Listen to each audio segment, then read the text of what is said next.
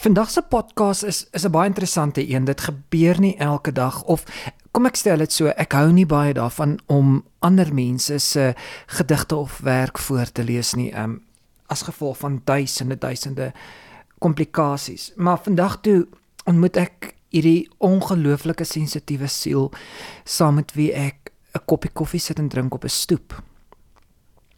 En sy woorde is nie net woorde wat in jou ore inruk nie, maar hy ruk vir jou van jou hart af uit. En hy hy vertel my hierdie ongelooflike stories terwyl ek net sit en luister, ehm um, sonder om vrae te vra, sonder om te reageer selfs. Net om hom te hoor praat en die ongelooflike sensitiwiteit wat wat in sy gedagtes is wat wat op sy tong lê. En hy lees hierdie gedig vir my voor en ek wil dit graag voorlees um namens Morney Zili wat dit geskryf het.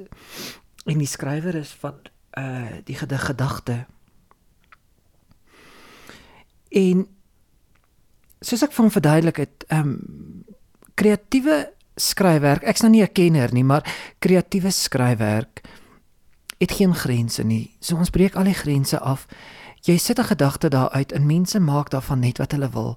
En wat ek daarvan gemaak het is my persoonlike saak.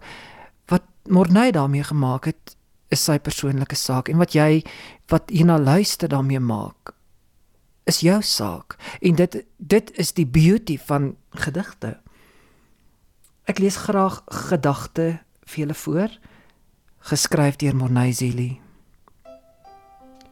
kind van God weggesteekte lote donker grot geseerde woorde van genot 'n appel en 'n ei sweet verby.